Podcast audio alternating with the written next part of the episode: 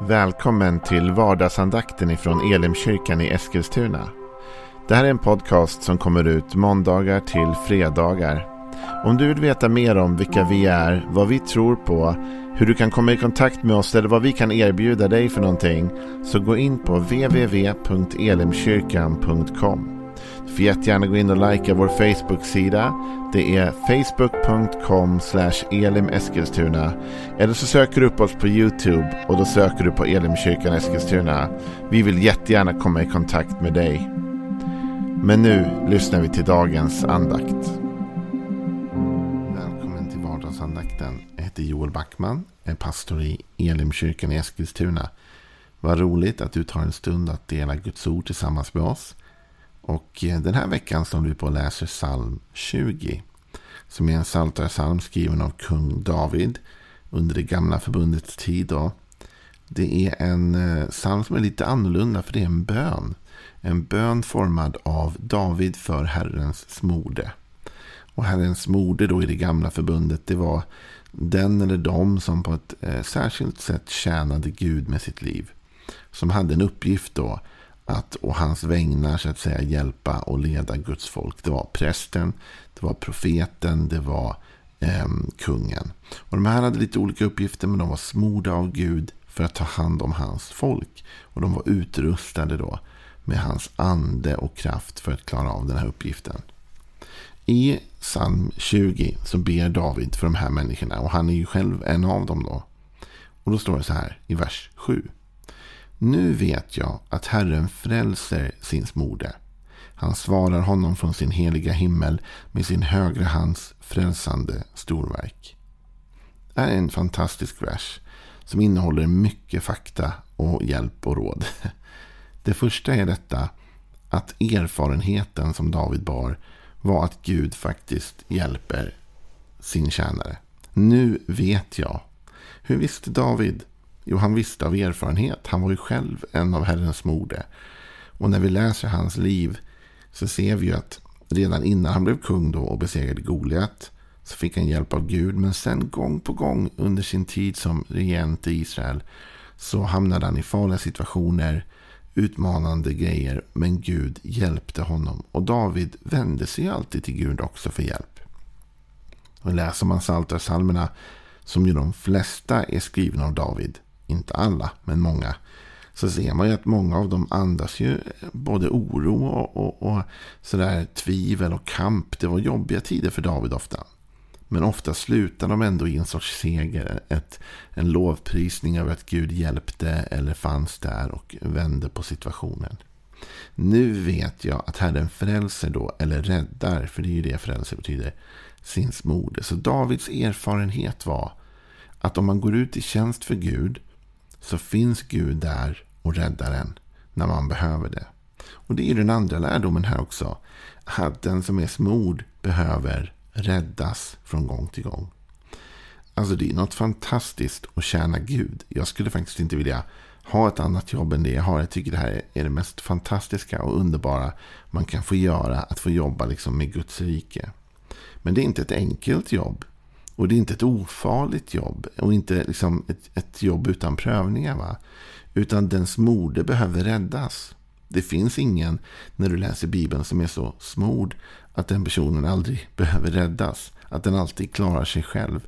Trots att vi har Guds andes kraft och trots att vi har allt detta så behöver vi då och då det gudomliga ingripandet så att säga och våra vägnar. Vi behöver bli räddade. Och det tror jag är bra att vi inser. Att Gud förväntar sig inte att du och jag ska lösa allting själv. Utan Gud står där med oss för att rädda oss i de stunder då vi inte kan själva. Gud visste ju någonstans att David i sig själv aldrig kunde ha besegrat Goliat. Men han var där och han välsignade honom och hjälpte honom att ändå göra detta. Och när vi läser i Bibeln ser vi många gånger att de här människorna som stod i tjänst för Gud hamnade i de mest omöjliga situationer. Men när de då vände sig till Gud så svarade Gud honom. Och det står ju här, han svarar honom från sin heliga himmel med sin högra hands frälsande storverk. Och jag gillar den tanken. Du vet i det nya testamentet så tänker vi ju nu att Jesus va, han får ju upp till Fadern igen. Han uppstod från de döda, han var en tid bland sina lärjungar och sen lyftes han upp till Faderns högra sida och där sitter han nu. Men det är inte så att han är passiv utan han hjälper oss. Han är där uppe men han, he's got our back så att säga. Han har hela tiden oss och bevarar oss. Han svarar oss och hjälper oss med sin högra hands frälsande storverk. Och vi vet ju också att han har sänt sin ande till oss såklart. Att hjälpa oss. Men Gud vill hjälpa den som är smord. Han vill hjälpa den som går ut i tjänst. Du är inte ensam när du kliver ut i tjänst för Gud. Utan han backar upp dig. Psalm 28, det är också en psalm skriven av David. Där skriver han så här i vers 8. Herren är sitt folks styrka. Han är ett frälsningens värn för sin smorde. Fräls ditt folk och välsigna din arvedel. Var deras herde och bär dem för evigt. Alltså, Herren är sitt folks styrka. Ett frälsningens värn för sin smorde. Så här talar David om att Gud är räddningens Gud. Även för den som tjänar honom, för den som, som står i tjänst för honom, så är Gud där och backar upp och hjälper. Du och jag kanske kan tänka sådär ibland. Ja, men om jag ger mig ut i tjänst för Gud, hur ska jag klara det? Och tänk om jag hamnar i problem och tänk om det blir utmaningar som inte jag rår på. Ja, det är klart det kommer bli. Det är klart att om du går ut i tjänst för Gud och säger Gud, vad jag än har för yrke, va, så tänker jag med mitt yrke, med min kunskap, med mitt liv, så vill jag lyfta baneret, jag vill tjäna dig. Då kommer du hamna i situationer som du inte själv vet hur du ska reda ut. Men då har du erfarenheten av de som har gått före. Kung David som var smord och tjänade Gud, han sa Nu vet jag att Herren räddar eller frälser sin smorde. Det var deras erfarenhet. Om vi skulle backa bandet och prata med alla de här gamla patriarkerna då. Abraham och Mose och alla de andra. Och vi skulle prata med Petrus och Paulus och lärjungarna i Nya Testamentet. Och vi skulle fråga dem. Hur är det nu? Är Gud en räddande, en frälsande Gud? Skulle de säga absolut. Vad skulle liksom de säga? Vad skulle Daniel säga? Som kastades i lejongropen. Men Gud bevarade och beskyddade honom. Jo, Gud är ett beskydd för de som går ut i tjänst för honom. Och det är också sant att den som går ut i tjänst för Gud på ett sätt också blir en måltavla och behöver det beskyddet. Därför är ondskan och ondskans makter, de vill ju inte se att du lägger ditt liv på att tjäna Gud. Men när du gör det, ja då väcker du viss uppmärksamhet där, men du kommer också ha himlens uppbackning och stöd. Paulus han hamnar i en lite märklig situation i, i ett av sina brev, där han på något sätt känner behovet av att försvara sig själv och sin kallelse. Och försvara de val som han har gjort. Och vid ett tillfälle så talar han bland annat om hur han inte har tagit ut en massa ersättning av församlingen. Men han talar också om att han egentligen har rätt att göra det. Och han talar om hur han som en evangeliets tjänare har vissa rättigheter. En viss uppbackning av Gud kan man säga. Ska vi läsa första Korintierbrevet och det nionde kapitlet. Och så läser vi några verser. Är jag inte fri? Är jag inte apostel? Har jag inte sett vår Herre Jesus? Är inte ni mitt verk i Herren? Om jag inte är apostel för andra så är jag det i alla fall för er. Ni är sigillet på mitt apostelämbete i Herren. Mitt försvar inför dem som anklagar mig är detta. Har inte vi rätt till mat och dryck? Har inte vi rätt att föra, oss, föra med oss en troende hustru som de andra apostlarna och Herrens bröder och Kefas? Eller är det bara jag och Barnabas som inte har rätt att vara fria från arbete? Vem gör soldattjänst på egen bekostnad? Vem planterar en vingård utan att äta dess frukt? Eller vem vallar en jord utan att dricka av dess mjölk? Säger jag det här som ett rent mänsklig åsikt säger inte lagen samma sak. Det står skrivet i lagen, i Mose lag. Du ska inte binda för munnen på oxen som tröskar är det oxarna som Gud bekymrar sig om? Säger han inte det snarare för vår skull? Jo, för vår skull blev det skrivet att den som plöjer och den som tröskar ska göra det i hopp om att få sin del.